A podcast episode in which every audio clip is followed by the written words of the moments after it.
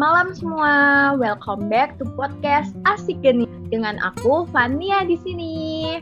Nah, hari ini topik kita keren banget plus seru sih. Topik kita kali ini adalah balade semester akhir. Wah, wah, wah, relate banget nggak tuh sama kita?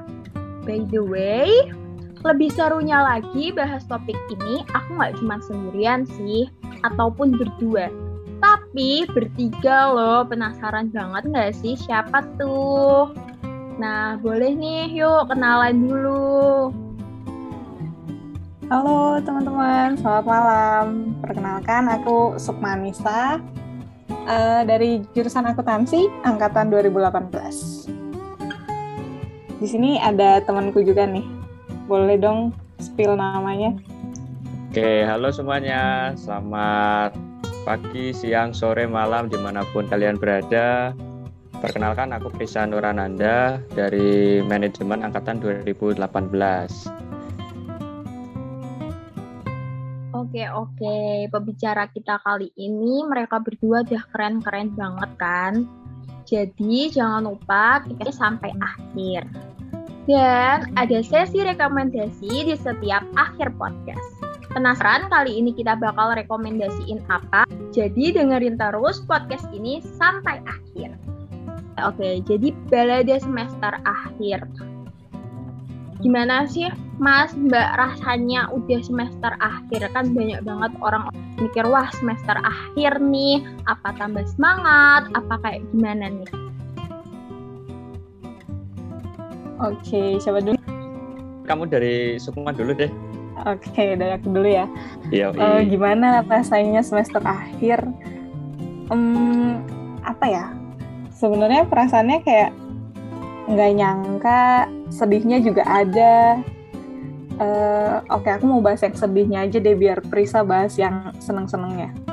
Sedihnya itu karena uh, kita kan ya kayak yang sekarang kita tahu ya lagi masanya pembelajaran daring-daring kayak gini. Nah, jadi kayak terakhir kali ketemu sama teman-teman tuh baru semester 4, terus kayak tahu-tahu udah semester akhir aja gini kayak wow, ternyata waktu berjalan sangat cepat gitu. Kalau aku sih gitu sih rasanya. Kalau kalau kamu gimana, Pris? Kalau aku gimana ya? Jadi katanya kan suruh senang-senangnya nih. Aku tapi tetap ada sedihnya sih kayak baru kemarin kan kita itu ikut PKKBN di UPN gitu kan di audit dengerin uh, apa pembicara dengerin materi-materinya kegiatan-kegiatannya gitu kan sambil ngantuk-ngantuk. Tapi udah sekarang tuh udah tiba-tiba udah input skripsi gitu loh di CBIS di KRS kita. Itu kayak ini apaan? gitu loh kok tiba-tiba udah input skripsi gitu kan kayak apa sih yang selama ini kita dapat gitu loh. Kayak cuma ya banyak lah banyak kegiatan yang mungkin kita lalui kita senang-senang sama temen bareng nongkrong mikirin kuliah mikirin organisasi kepanitiaan dan sebagainya tiba-tiba udah kayak gini gitu. Tapi aku di sini mau ngomong senengnya sih. Senengnya kayak apa ya kita di sini udah siap buat uh, lanjut ke jenjang kehidupan berikutnya. Asik. Itu kayak lihat apa ya cycle kehidupan itu kan pasti kayak gitu kan. Kita harus survive nanti di skripsi gimana setelah skripsi terus harus kayak gimana harus kayak gimana. Menurutku itu sebuah kayak keasikan sendiri sih kayak tantangan tapi yang menurutku itu menarik buat dicoba gitu loh bahkan untuk dijalani. Gitu sih kalau aku. Oke aku boleh nambahin dikit lagi nggak nih Fania? Boleh boleh mbak. Boleh banget. Oke kalau aku sendiri tuh sedihnya lebih ke uh, karena kan uh, aku sendiri cenderung lebih deket sama kating-kating ya beberapa kating gitu. Terus kayak uh, satu persatu dari mereka tuh udah mulai meninggalkan kampus sudah mulai meninggalkan Jogja terutamanya buat dari yang luar-luar kota kan. Jadi kayak wah sedih banget. Udah nggak ada nih tempat buat curhat-curhat tempat buat nanya-nanya. Udah pada udah pada kerasa banget gitu ketika mereka udah wisuda. Uh, kerasa banget kalau mereka tuh udah di dunia yang berbeda sama kita kita yang masih pada di kampus gitu. Dan dikit lagi uh, kita bakal ngerasain hal yang sama gitu. Ya nggak sih Pris? Kayak yang aduh belum siap gitu. Kayak masih pengen main-main masih masih belum ngerasain semua hal yang dulu kita bayangin waktu masih di sekolah gitu di kampus.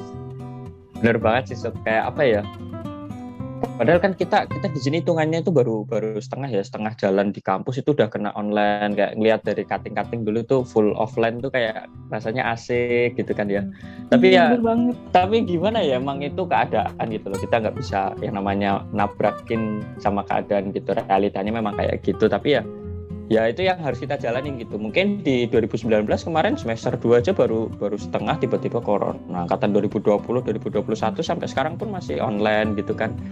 Ya mau gimana ya? So kita ada kesamaan sih. Kayak kenal kating-kating gitu kan kayak tahu-tahu udah udah upload tuh di instastory Instagram selamat atas wisudanya congratulations. Tiba-tiba udah jadi sarjana aja. Aduh besok giliran kita yang ada di sana gitu kan Iya bener Ntar banget ya. Mas Mbak bakal diucapin sama adik-adiknya. Nah, iya tuh Pak, bener banget sih. Nggak nyangka banget sih. Kayak kemarin baru baru ini ya giliran kita yang supporteran apa arak-arakan gitu. Tahu-tahu besok udah say goodbye. Oh, oh kayak gitu sih. Dari Fania gimana ini Van kira-kira? Wah, kalau aku kan masih semester-semester awal nih, awal mau menengah kali ya. Jadinya mungkin masih mau oke okay, senang-senang dulu organisasi dulu kali ya. Mantap sih. Ya pokoknya dipuas-puasin dulu deh apa pun yang pengen kamu coba. Mumpah sih muda, masih banyak kesempatan, silakan dicoba gitu. Jangan sampai kalian uh, kamu nunda-nunda buat ah besok aja lah besok aja baru nyoba ini besok aja baru nyoba ini ternyata waktu di kuliahan tuh berjalan sangat cepat gitu jadi tahu-tahu nanti udah semester akhir udah nggak punya waktu buat nyobain itu jadi emang bagus sih kalau udah mulai nyoba di BEM dari sekarang besok lagi naik ke tingkat universitas mungkin Eh, aku pernah sih, aku masih inget nih, kamu pernah ngomong kayak gini sih. Kayak apa ya? Uh, kita itu harus memanfaatkan gelar mahasiswa kita gitu loh. Sampai sebelum nanti kita lulus terus kita jadi beban keluarga jadi pengangguran gitu loh. Makanya kita harus manfaatin bener-bener selagi kita masih menyandang gelar mahasiswa. Gitu sih so, kayaknya nah. waktu itu aku, kamu pernah bilang kayak gitu? Iya bener-bener bener banget. Karena mau gimana pun status mahasiswa kan lebih tinggi ya daripada pengangguran. Iya bener sih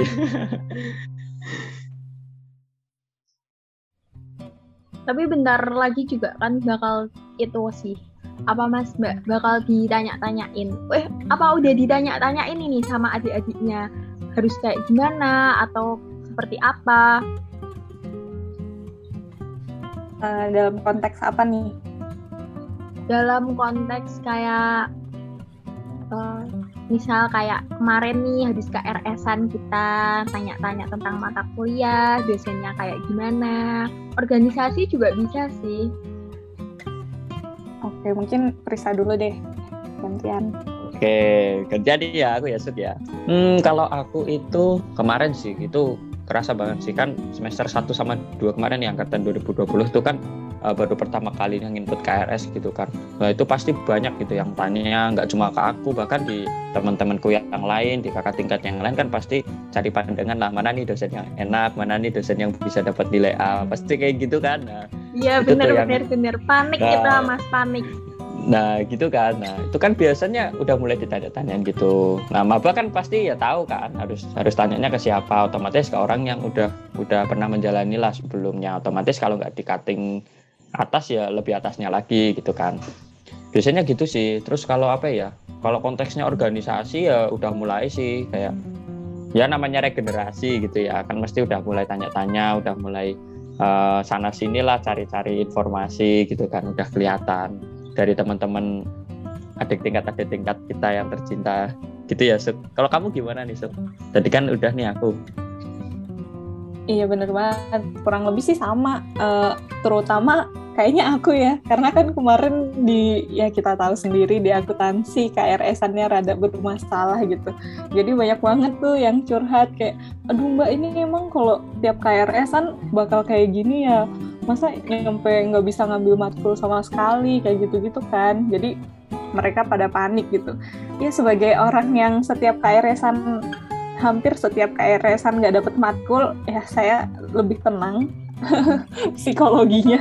Jadi bisa memberikan saran-saran yang baik buat mereka bisa menenangkan diri dulu juga. Soalnya ya namanya juga apa ya? Kampus kita tercinta ini memang suka down gitu websitenya. Betul, betul, Mbak. Aku sempat juga kemarin itu panik banget. Tapi nggak apa-apa, jadi kayak pengalaman.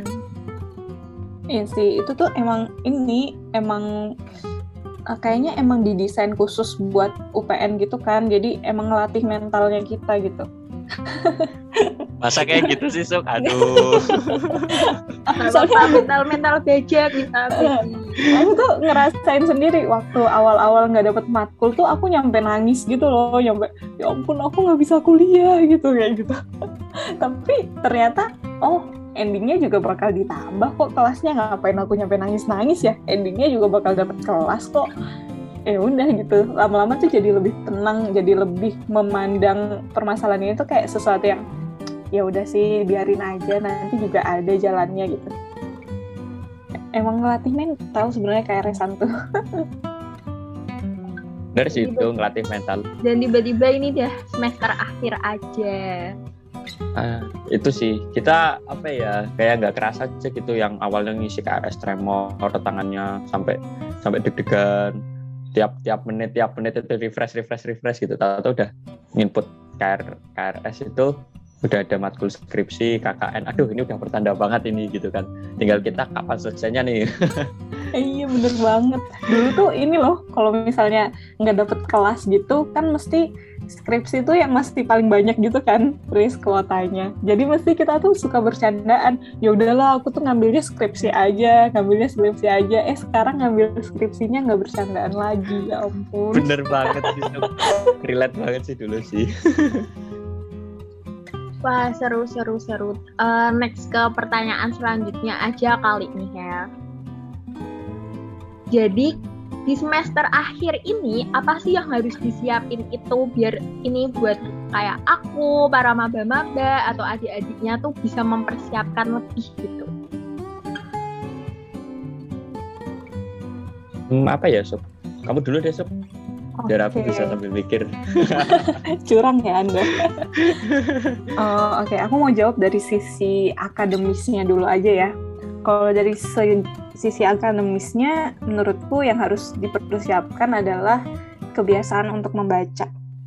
Karena di semester akhir ya, as we know, uh, skripsi masih menjadi tugas akhirnya kita. Jadi uh, dalam penulisan skripsi itu nggak usah bicara skripsi metopel aja. Metopel itu sangat dibutuhkan untuk referensi jurnal dan lain sebagainya. Dan menurutku kalau kita nggak terbiasa baca jurnal tuh susah, susah banget karena uh, untuk jurnal yang bahasa Indonesia sendiri ya, yang belum bahasa Inggris yang masih nasional gitu tarafnya itu tuh udah susah gitu loh menarik menarik minat kita untuk membaca. Apalagi untuk jurnal-jurnal yang taraf, tarafnya udah internasional gitu kayak bahasa Inggrisnya susah harus kita terjemahin terus juga ya kalau diterjemahin kan kadang rada aneh gitu kan. Jadi kita harus mencari bener-bener mana nih yang sesuai sama tema yang mau kita bawain. Dan uh, jangan kalian pikir baca jurnal tuh satu dua tiga jurnal cukup. Enggak enggak banget.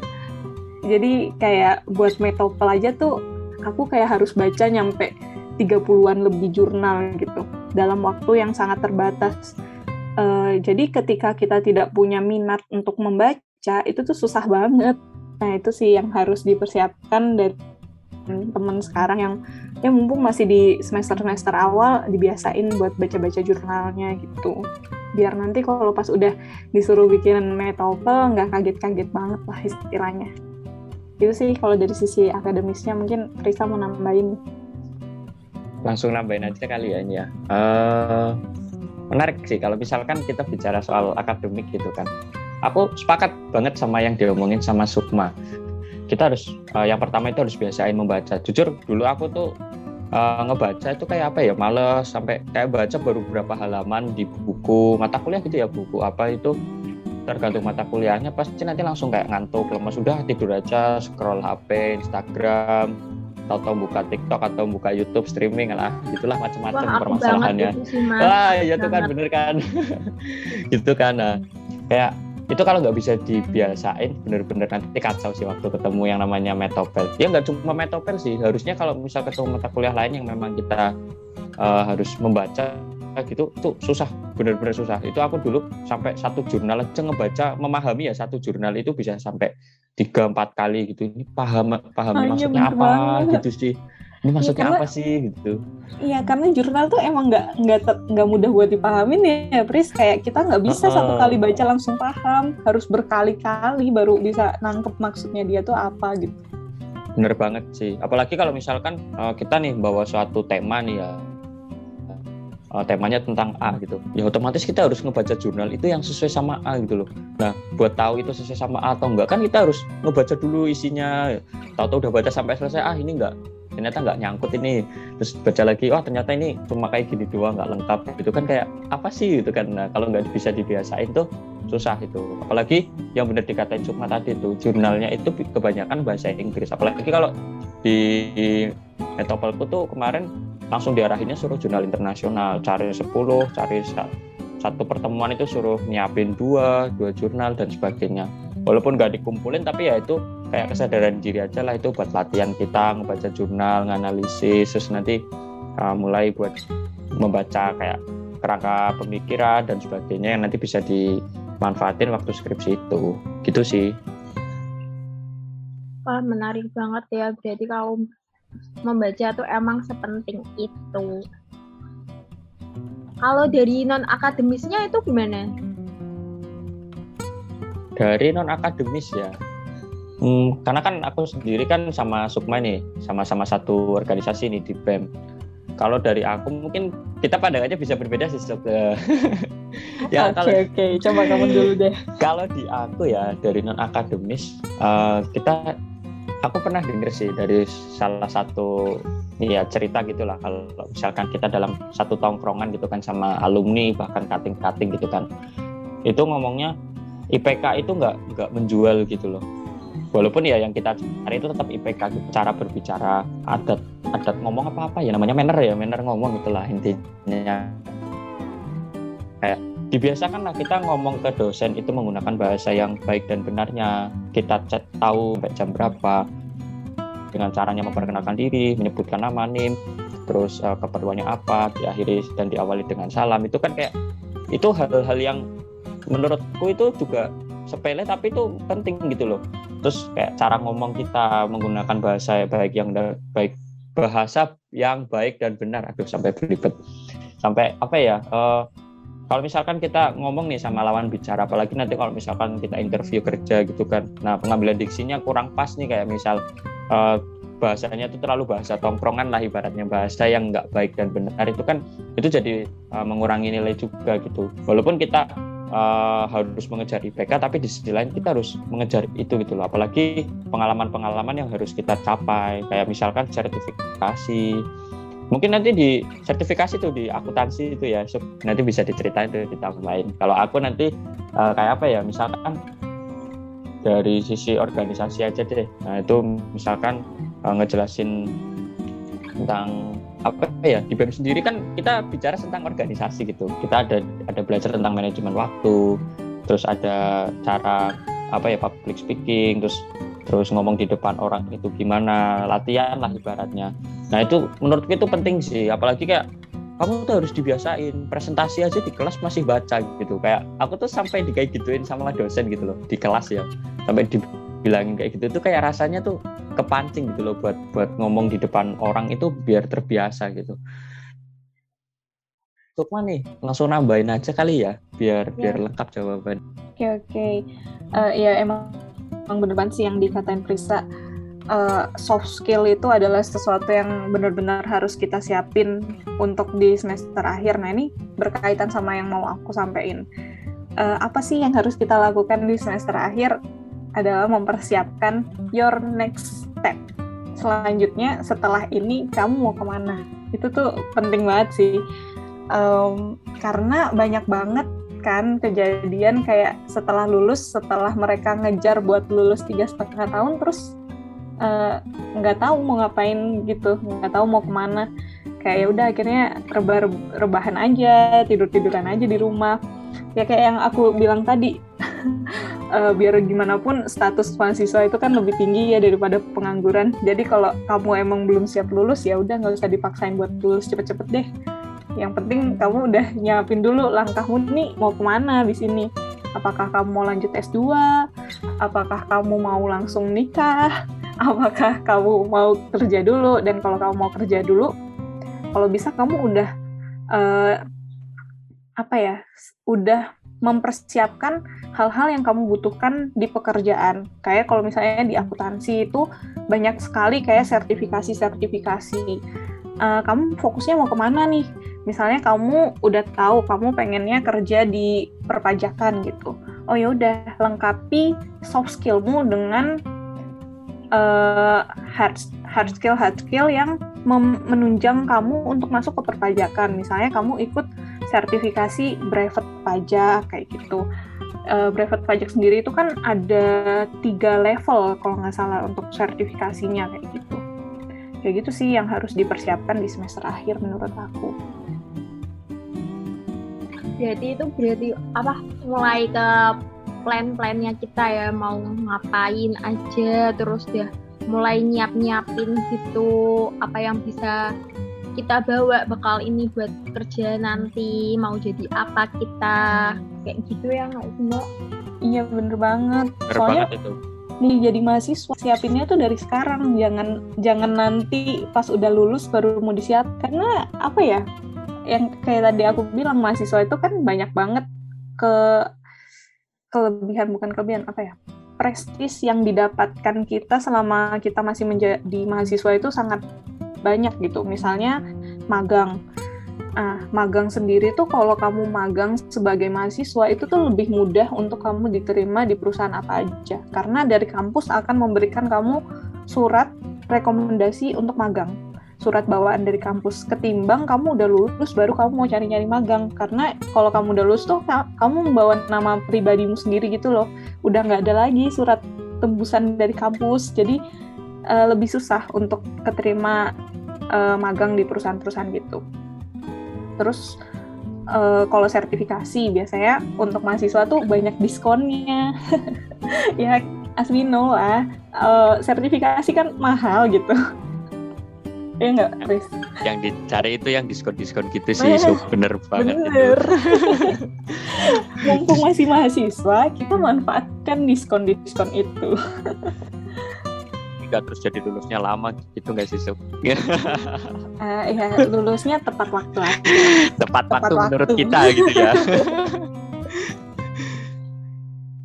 Jadi manfaatin waktunya sebaik baik mungkin ya nggak sih? Betul banget. Bener banget gitu. Kan tadi udah dibahas nih udah disinggung juga tentang kalau lulus kuliah tuh gimana. Sebenarnya tuh rencananya Mas Mbak ini tuh gimana? Kalau mau lulus kuliah mau ngapain? Jadi mau uh, lanjutin kuliah lagi kah? Atau mau bikin usaha bisnis? Atau mau nyari kerja di mana Oke, siapa dulu nih, Chris? Kamu dulu kali ya. Oke, aku aku lagi ya. Ini ladies first banget. Iyalah, ladies first itu penting ya di mana-mana itu woman in first. Alah, ngomong aja Anda belum punya jawabannya kan? Oh, aku udah ada dong.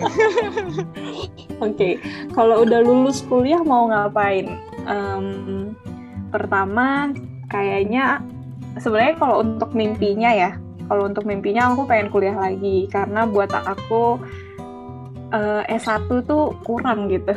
Aku pengen aku pengen lanjut S2 lagi dan sebenarnya dari dulu kan emang punya impian buat sekolah ke luar negeri ya.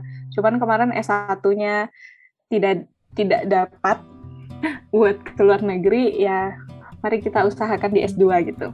Cuman uh, sembari menunggu menunggu kesempatan buat melanjutkan S2, mungkin aku akan mencoba untuk kerja sih, kerja di di mana aja sebenarnya sampai sekarang. Ini salah sih.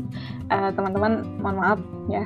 Harusnya kalian udah tahu kalian maunya kerja di mana tapi kalau aku sendiri masih uh, bayangannya kayak aku pengen kerja di mana aja dulu. Yang penting aku punya skill untuk uh, punya pengalaman gitu untuk bekerja.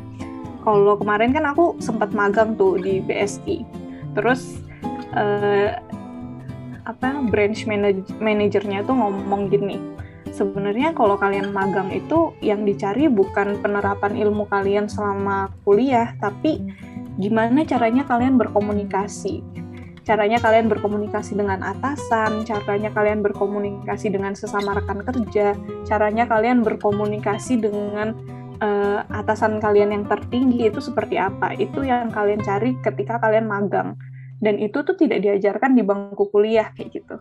Nah, jadi aku pengen kerja untuk mencari hal-hal itu kayak gimana sih emang pola komunikasi di dunia kerja tuh harus seperti apa kayak gitu sih kalau aku. Berarti kayak hal-hal yang menarik gitu yang nggak kita temuin di semasa kuliah kayak gitu kan ya? Iya bener banget sih. Itu yang pengen aku cari setelah lulus kuliah ini. Halo Mas Prisa nih, gimana nih Mas? Oke, kalau aku ini masih didasarkan dengan cerita ya, karena memang aku belum mengalami lulus itu gitu kan. Sama kayak Sukma, uh, apa ya yang harus dipersiapkan ya kalau uh, oh bukan dipersiapkan di apa yang harus kita laksanakan ya ketika kita uh, lulus kuliah itu sebenarnya itu diawali dari step kita. Mungkin tadi udah disinggung dari Sukma sih. Step kita itu di awal kita harus tahu gitu loh 10 tahun ke depan kita mau ngapain kalau misalkan nggak bisa 10 tahun kurangin lah 9 tahun 8 tahun 5 tahun kalau misal masih nggak bisa satu tahun ke depan deh kita mau ngapain kalau misalkan tahun tahun ini nih kita aku sama Sukma kan input skripsi berarti kita target nih 2022 kita harus lulus. Nah nanti 2022 juga kita harus mulai apply ke berbagai macam perusahaan berbagai macam eh, hal-hal uh, yang mungkin bisa kita lakukan untuk melanjutkan setelah kita mendapatkan gelar sarjana gitu. Misalkan dari aku sendiri nih aku kan hobi fotografi videografi gitu kan. Mungkin nanti aku sama teman-teman bakal uh, merintis tentang apa ya kayak semacam uh, apa sih? Kayak ikut ke wedding organizer gitulah. Di situ kan ada kayak videografer fotografernya lah. Mungkin aku bisa mulai kerja-kerja dari situ gitu loh. Selagi kita melaksanakan hobi kita yaitu kalau misalkan bisa menghasilkan duit ya kenapa enggak gitu loh. Sebenarnya diawali dari situ dulu. Ketika kita udah tahu arahnya mau ke mana pasti kita bisa tahu gitu. Dan yang diomongin sama Sukma itu berdasarkan pengalaman emang bener banget. Kita harus apa ya eh, memahami tentang dunia kerja itu kayak gimana dulu gitu loh. Bahkan aku pernah dapet apa ya semacam insight baru gitu loh. Sampai ditanya tuh sama seseorang gitu ya. Mungkin di tempat tongkrongan lah kalau misalkan aku nyebutnya. Uh, beliau itu bertanya ada yang tahu nggak kenapa IPK itu cuma 4 gitu. Ya kita kita jawabnya kayak ya kan karena emang ada 3,01, 3,02, 3,03 gitu. Nah, si beliau ini tuh cuma ketawa gitu loh. Sebenarnya nggak nggak gitu alasannya gitu. Tapi alasannya itu kenapa IPK cuma 4? Karena yang 96 itu kita tidak dapatkan di kuliah gitu loh. Yang harus kita dapatkan ya di luar kuliah kita sendiri kayak misalkan pengalaman kerja di kuliah kita tidak akan mendapatkan itu gitu kecuali kalau misalkan kita mau magang gitu ya terus nanti bisa dapat uh, masukan-masukan dari yang apa tuh tadi ya sub jabatan yang tinggi-tinggi lah di perusahaan itu. Kita nanti dapat masukan di sana kita dapat pengalaman. Bahkan temanku pun ada yang cerita katanya sempat uh, dimarahin atasan juga gitu loh. Ya walaupun sekelas magang tapi udah dimarahin atasan kan itu jadi pengalaman gitu kan. Nanti waktu di dunia kerja itu ternyata nggak semulus itu dan ya sebenarnya nggak sekejam itu gitu loh. Makanya ya harus dipersiapkan tadi itu awal timeline kita harus ngapain satu tahun dua tahun ke depan mau ngapain terus yang kedua itu persiapan diri kita sendiri. Rebranding lah ibaratnya. Misal dari portofolio kita dari CV kita itu macam-macam lah yang harus kita persiapkan. Nah untuk mencapai situ kita harus ada sesuai dengan kriteria yang kita inginkan. Kalau misalkan aku nih mau menekuni di hobi videografi aku di hobi fotografi aku otomatis ya aku harus meningkatkan skill aku gitu loh nggak melulu tentang uh, harga alatnya yang mahal tapi aku juga harus ningkatin skill aku aku harus sering-sering upload portofolio aku biar nanti dilirik orang biar aku uh, menjadi pusat perhatian gitu kan kayak uh, semacam yang diperhitungkan lah dalam dunia videografi dan fotografi gitu. Tapi kan untuk mencapai situ kan nggak bukan hal yang mudah gitu. Kalau misalkan kita uh, mau memanfaatkan gelar sarjana kita gitu, banyak kok yang perang dengan gelar sarjana kita di dunia di luar sana ya di Indonesia itu sarjana itu kalau menurutku masih kurang gitu. Bener yang kata yang dikatain tadi Sukma. Kalau misalkan aku ada kesempatan pun aku mau gitu loh eh, S2 gitu, melanjutkan sekolah, langsung punya gelar magister ataupun gelar-gelar yang lain yang memang uh, itu lebih dengan S1 gitu loh. Cuma masih banyak pertimbangan lah kayak misal uh, aku masih punya idealisku sendiri gitu. Aku pengen masuk ke S2 tapi dengan uh, biayaku sendiri gitu loh. Karena kan udah kayak ya kita udah berterima kasih lah ke orang tua udah bisa sampai ke S1 masa S2-nya mau dibayarin lagi kan kayak ya gimana gitu kan. Makanya aku masih punya idealisku sendiri. Aku kalau misalkan mau ke S2 aku harus uh, bisa biayai sendiri dari hidupnya dari biaya kuliahnya dan sebagainya. Kalau aku gitu sih. Iya benar sih. Aku boleh nambahin dikit nggak nih Van? Boleh boleh mbak. Ya benar sih yang dibilang Prisa kayak uh, emang idealnya uh, kayaknya idealis kita sama ya, Pris. Aku juga sama idealisku pengennya S2 ini biaya sendiri gitu. Makanya tadi aku bilang kan aku sambil menunggu kesempatan untuk bisa S2 ya kalau bisa kerja dulu gitu. Sama sebenarnya ini sih udah mulai ngelirik-ngelirik nih mana aja sih yang ngadain beasiswa buat S2 kayak gitu. Ya harapannya sih bisa dapet bisa lolos LPDP ya. Sebenarnya tadi amin, udah amin amin. LPDP amin, amin. cita-cita banget sih itu. Tadi tuh udah ditantangin gitu sama salah satu cutting. Uh, Suk gimana? April ya? Kita apply LPDP April gitu biar jadi seangkatan. Waduh. Udah ditantangin buat lulus cepet nih Jadi kamu April harus sudah wisuda dong Suk ya Bismillah lah ya. Uh, April masih berapa bulan lagi sih? Masih Agustus. Bisa, bisa. Masih Agustus ya Gavan. Masih tenang tenang, masih 2000 ah 2021 ya ini.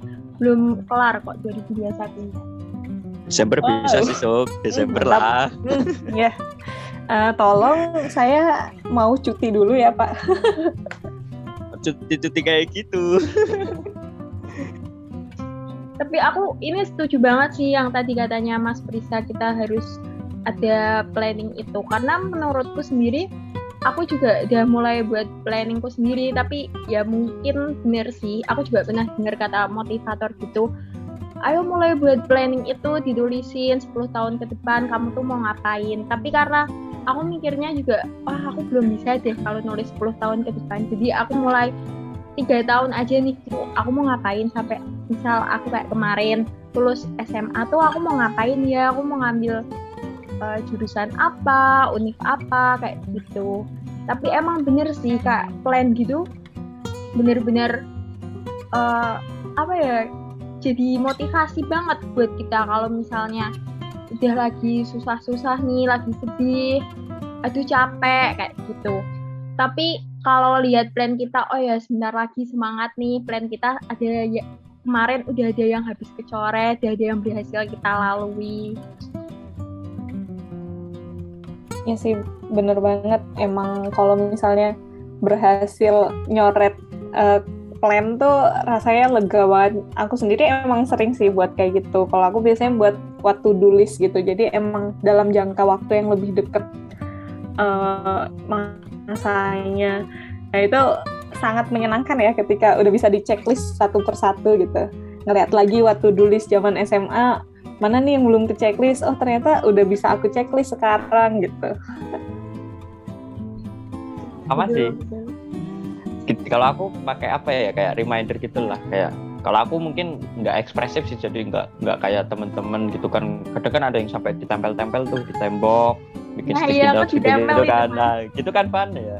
Kalau aku enggak sih aku lebih ke kayak memori aja gitu entah di HP entah di laptop gitu, gitu. aku buat se, se apa ya sesimpel mungkin biar aku tuh nggak nggak terlalu stres menghadapi checklist itu gitu kadang kadang kayak waduh aku harus ini aku harus ini aku harus malah, malah stres sendiri kan wah. Malah jatuhnya nanti kita nggak bisa berkembang. Kalau aku ya simpel aja. Checklistnya udah bisa ya udah kita checklist. Kalau enggak ya terus nanti kita mikir ini kapan ya? Apakah mau ngebuat checklist baru atau mau ngedahuluin checklist yang udah lama dulu ini yang belum ke checklist? Kalau aku gitu sih. Dan sampai sekarang ya masih banyak lah yang belum ke checklist karena memang keadaan kayak gini kondisinya masih kayak gini ditambah lagi dengan ya memang kehidupan memang nggak ada yang tahu gitu kan ya. Terlalu dinamis untuk kita prediksi untuk kita reka-reka ya. Iya bener banget, bener banget sih Pres. Aku sendiri juga ngerasain itu kayak siapa sih yang ngira kita di tahun 2020 bakal kena corona? Kayak terus kayak sekolah harus dari rumah siapa coba yang ngira kayak gitu. Padahal dulu tuh bayangannya kan masuk kuliah tuh udah bebas gitu, pengen uh, pengen daki sama teman-teman, pengen camping sama teman-teman. Ini bayang bayangannya kan udah kayak gitu-gitu terus. Eh ternyata ceng tahun 2020 kamu harus di rumah aja. Sangat-sangat merubah plan. Explore sana sini ya, Sup. Kayak kehambat banget yang harusnya kita ke sini ke sini ke sini, bah cuma di rumah doang dapat apa sih ya? Iya benar banget. banget. Nih Fania nih, kita kita bisa kita bisa tahu lah nanti dari Fania gitu kan gimana. Kayak gimana rasanya dari yang awal masuk sudah sudah online. Aduh, Jadi Fania narasumbernya. Rasanya sangat-sangat wow sekali karena mikirnya oh bentar lagi bakal ngerantau, bentar lagi bakal punya teman-teman baru, mau nyiapin oh ospeknya nanti kayak gimana, takut-takut nanti dimarahin atau nanti bakal senang-senang ketemu teman-teman baru, teman-teman yang mungkin nggak pernah ketemu orang-orang yang dari luar-luar Jawa, terus nanti ketemu, eh berubah semuanya. Iya, emang corona ini sangat-sangat merubah kehidupan kita semua ya. ya merubah tapi kalau plan-plan yang kita, ada. kita ada ada manfaatnya sih sub online tuh. Banyak sih. Sebenarnya aku sendiri uh, sedikit cerita ya. Aku sendiri ngerasa online online ini tuh malah memberi membuka banyak kesempatan gitu loh buat aku. Karena selama online justru aku banyak dapat project yang sebelumnya sangat-sangat tidak menyangka. Jadi dulu aku tuh ngelihat orang yang bisa jadi asisten dosen gitu kayak wah keren banget kok bisa sih mereka jadi asisten asisten dosen? gitu. Nah aku kan orangnya cenderung ini ya apa namanya uh, diem gitu. Jadi kayak emang kurang menonjol gitu di kelas. Jadi kayak buat jadi asisten dosen itu sesuatu yang diangan-angankan aja gitu. Eh tiba-tiba corona orang-orang yang biasanya jadi asisten dosen pada pulang kampung tuh yang ada di Jogja kebetulan aku eh dipanggil diajak buat bikin acara ini bikin acara itu. Jadi malah lebih terbuka justru setelah ada corona ini. Jadi aku sendiri orang yang ya sedikit sering sambat tentang corona tapi sedikit banyak mensyukuri juga adanya corona ini manfaatkan ya dari situasi dan kondisi yang ada so. bener banget kayak siapa sih yang nyangka aku bakal bikin video pada wimayanya PKKBN Universitas. Aduh, aduh, itu loh yang Oh, ternyata ini yang buat. Iya, itu loh Fan yang... yang nyangka? Itu loh Van yang yang kalau misal di awal itu yang bunyi halo namaku Eva nah itu tuh itu buatannya Sukma itu katanya itu katanya katanya oh ternyata Mbak Sukma yang buat Cokologi aja coba itu nanti didengerin suaranya mirip-mirip apa enggak tuh? Eh, mirip ya, please. Kamu doang yang nggak percaya orang semua orang pada bilang mirip. Kok suaranya khas ya, suara ya, aku? Iya, deh percaya percaya. Eh, maksudnya uh, kak ini loh kayak UPN tuh punya jurusan teknik informatika, punya jurusan sistem informasi, tapi yang disuruh buat video itu tuh anak FEB. Wow sekali bukan? Adanya anak FEB itu berkualitas, so. Uh -uh, makanya emang keren banget kita anak-anak FEB nih. Ya walaupun berkualitasnya cuma di bidang ekonomi. Aduh. Tapi kan ekonomi itu penting, Mas oh ya sih bener ya. Emang emang kita ada di ekonomi ya. Berarti kan harus mementingkan uh, negara itu kalau nggak ekonomi ya gimana? Kalau misalkan tidak ada perekonomian nah, orang-orang yang kayak gitu kan mementingkan bahwa ekonomi itu penting. Benar-benar aku aku mau tanya satu lagi nih. Tapi ini belum akhir ya dari pertanyaan. Menurut dari kalian nih dari Mas Mbak pengalaman tuh dicari waktu kita kuliah apa setelah kuliah buat ngisi CV kita? Oke, kayaknya Prisa dulu deh. Ayo, ayo Mas okay. Prisa.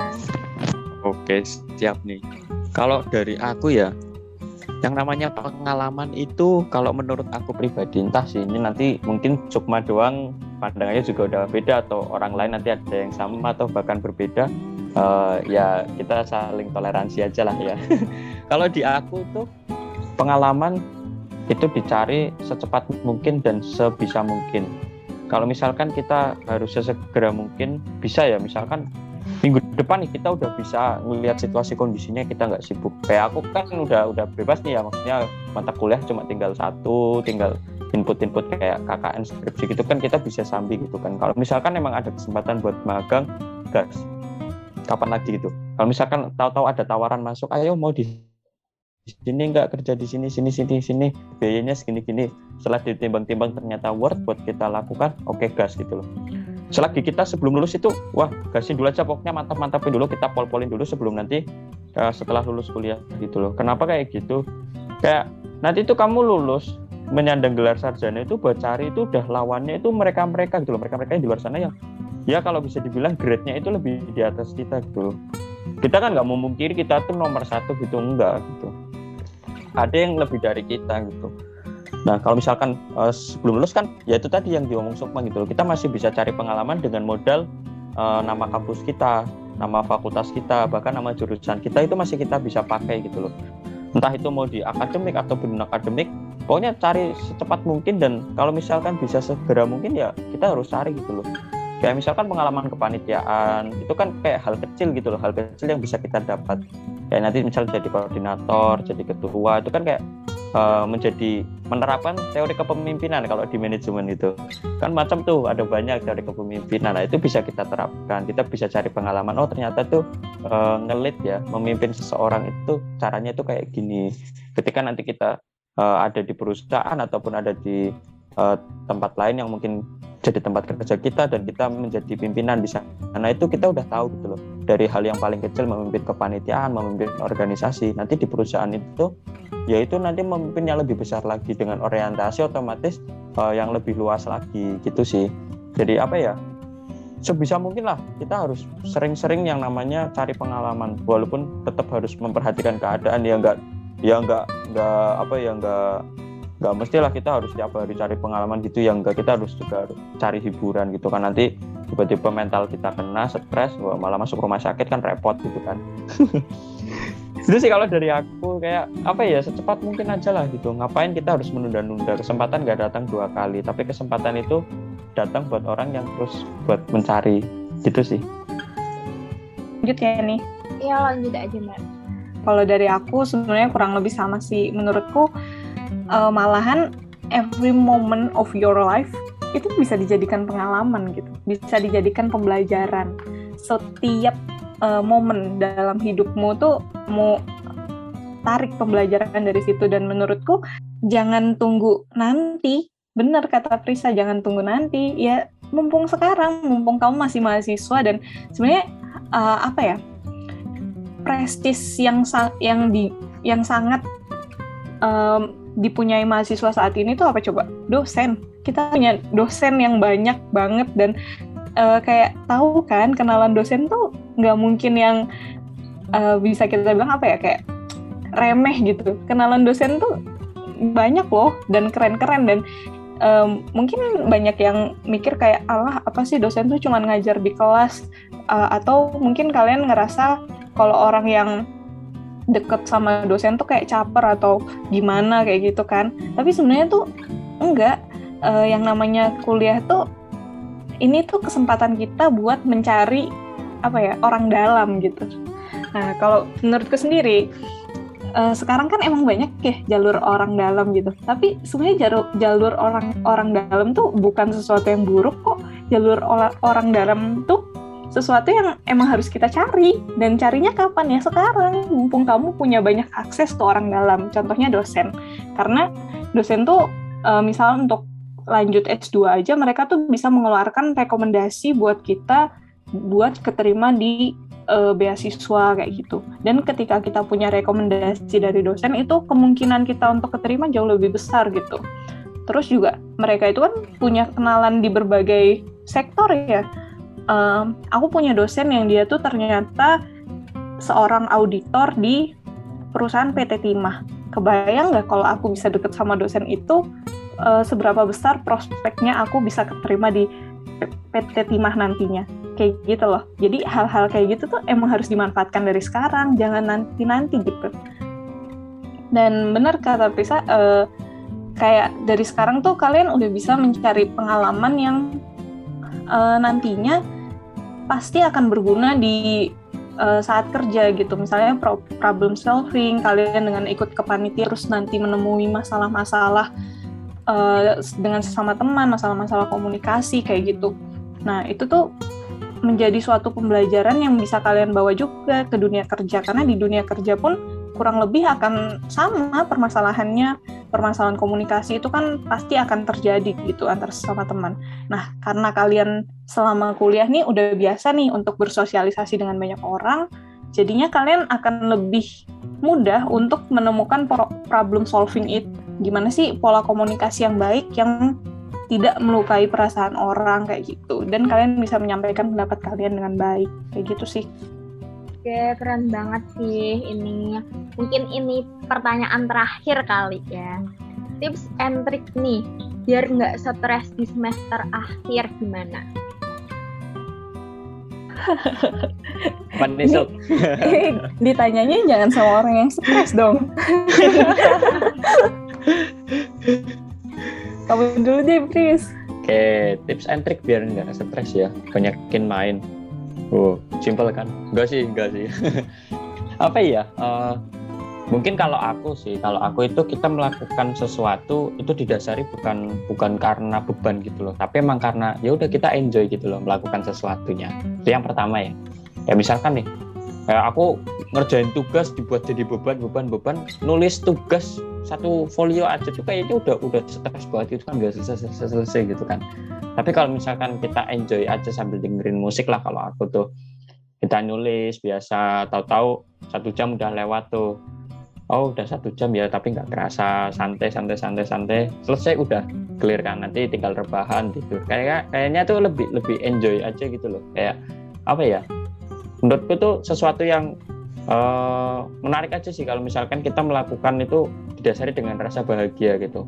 Apalagi kalau misalkan uh, melakukan sesuatu itu pakai amarah emosi wah nggak bakal selesai-selesai itu. Nah terus yang kedua tuh apa ya uh, nggak semuanya itu kita harus harus dalam mode serius gitu loh. Nggak harus nggak harus selalu uh, kita dalam hal-hal yang sepaneng terus gitu loh. Kita ya kita harus sadar diri kita manusia, kita butuh hiburan, kita butuh bercengkrama dengan sesama teman yang pembahasannya itu memang pembahasan uh, pembahasan sepele lah. Kayak kalau aku sendiri itu kayak ya main kartu, main Uno gitu kan. Kayak itu melepas melepas apa ya melepas penat gitu, lah. Dari kehidupan organisasi, kehidupan kampus, akademik dan sebagainya yang memang benar-benar membutuhkan uh, mikir kita gitu kan. Itu sih kayak apa ya uh, bermain itu penting lah tapi jangan sampai bermain itu mendominasi kehidupanmu gitu. Ya kita sepilin dikit-dikit lah kayak uh, membaca terus kayak nanti mikir dikit-dikit ya aku mau ngapain ya? Mau ambil skripsi apa ya? Terus nanti di skripsi aku mau gimana ya? Apa yang harus aku lakuin? gitu. Ya itu harus tetap dipikirin gitu loh walaupun nggak nggak 100% di situ kalau misalkan dari angka 0 sampai 100 ya mungkin 50% dulu lah 50% kita uh, memikirkan hal itu nanti 50% kita sambil main. Nah tetapi tetap nanti ada kalanya kita harus memikirkan 100% itu untuk suatu hal tertentu gitu. Kayak misalkan otomatis nanti skripsi kan nah itu ya kita harus benar-benar di push terus sampai nanti uh, kita mencapai batasnya ya udah kita butuh hiburan kan carilah ibaratnya me time gitu kan. Kalau kata-kata orang sekarang kan me time nih gitu. Main ke pantai kayak ke gunung kayak atau sama temen kayak oh, itu kan kayak jalan-jalan itu nanti lepas stres. Kalau udah selesai ya udah kembali lagi. Gitu. Terus apa ya? Ini berapa tadi. Satu dua tiga keempat ya berarti ya. Keempat atau ketiga lah nggak tahu lah. Yang penting selanjutnya itu ya. Itu apa ya? E, kalau aku bilang itu e, yang penting itu kita melakukan sesuatu kita harus punya tujuan gitu loh. Jangan sampai kita cuma ngelakuin sesuatu tuh karena kita nggak tahu output yang kita dapat apa uh, hasil yang harus kita dapat itu apa. Itu jangan sampai lah kayak gitu. Kayak misalkan nih aku datang ke UPN kuliah manajemen kan kan aku jurusannya manajemen. Terus aku nggak tahu nih mau mau jadi apa. Itu kan nanti jadi stres sendiri kayak aku harus ngapain ya? Aku harus ngapain di akhir ya? Aduh nanti aku udah belajar kayak gini ternyata bukan passionku. Aku kayak gini gini gini udah gak sesuai sama tujuanku. Tujuanku itu bikin dokteran tapi kok aku malah daftar di manajemen? Nah itu kan kayak eh, nggak uh, banget gitu loh. Makanya kita harus tahu dulu output kita tujuan kita itu mau kayak gimana baru kita melakukan sesuatu itu gitu. Jadi kan e, nyap, masih nyambung gitulah dari apa yang tadi di awal diomongin sampai sekarang itu kalau misalkan kita tarik benang merahnya itu berkelanjutan ada ada berkesinambungan gitu loh antara A, B, C, D, E. Nah sekarang dari Sukmani Suk. Oke, okay. uh, sebenarnya kurang lebih tips and trick yang mau disampaikan Prisa sama sih kayak punya aku. Um, tapi uh, ini aku mau nyampaikan satu poin pentingnya. Uh, stop comparing yourself with other. Itu sih poin penting karena di semester akhir ini tuh kayak kalian bakal ketemu sama uh, kalian bakal melihat pencapaian-pencapaian teman kalian yang mungkin pernah jadi gubernurnya BEM udah pernah jadi pembicara di webinar nasional mana kayak gitu internshipnya udah banyak terus mungkin udah nerima uh, udah pernah pertukaran pelajar ke luar negeri dan lain sebagainya. Jadi kayak itu bakal bikin kalian insecure gitu. Jadi please guys stop comparing yourself with other. Karena uh, setiap orang itu punya uh, waktunya masing-masing gitu. Setiap orang itu punya kehidupannya sendiri-sendiri dan ini hidup bukan lomba lari. Jadi udah nggak usah nggak usah terburu-buru cukup nikmatin apa yang kamu punya sekarang disyukuri. Uh, kalau aku tadi sempat baca kutipan sih hmm, bertumbuhlah dengan tempomu sendiri. Nah itu tuh poin utama tuh untuk teman-teman biar nggak stres ya di semester akhir. Karena ya namanya semester akhir ya pasti kan mulai-mulai kerasa tuh mindernya ah ini si A udah magang di BUMN ah si B udah magang udah magang di uh, eh, DJP gitu. Aku belum pernah ke mana-mana nih aduh apa harus gimana gitu. Nggak apa-apa nggak um, usah terlalu dipikirin gitu. Nanti ada juga kok waktunya buat kalian. Mungkin emang nggak sekarang karena uh, semua tuh bakal indah di waktu yang tepat gitu ya nggak sih? Eh, setuju banget. Uh, ya itu sih kalau buat aku kayaknya tips and triknya biar nggak stres-stres amat lah di, di semester akhir ini. Oke, mungkin rekomendasi kali ini juga bisa buat ngilangin stres atau biar nggak terlalu stres di semester akhir. Ini bisa sih.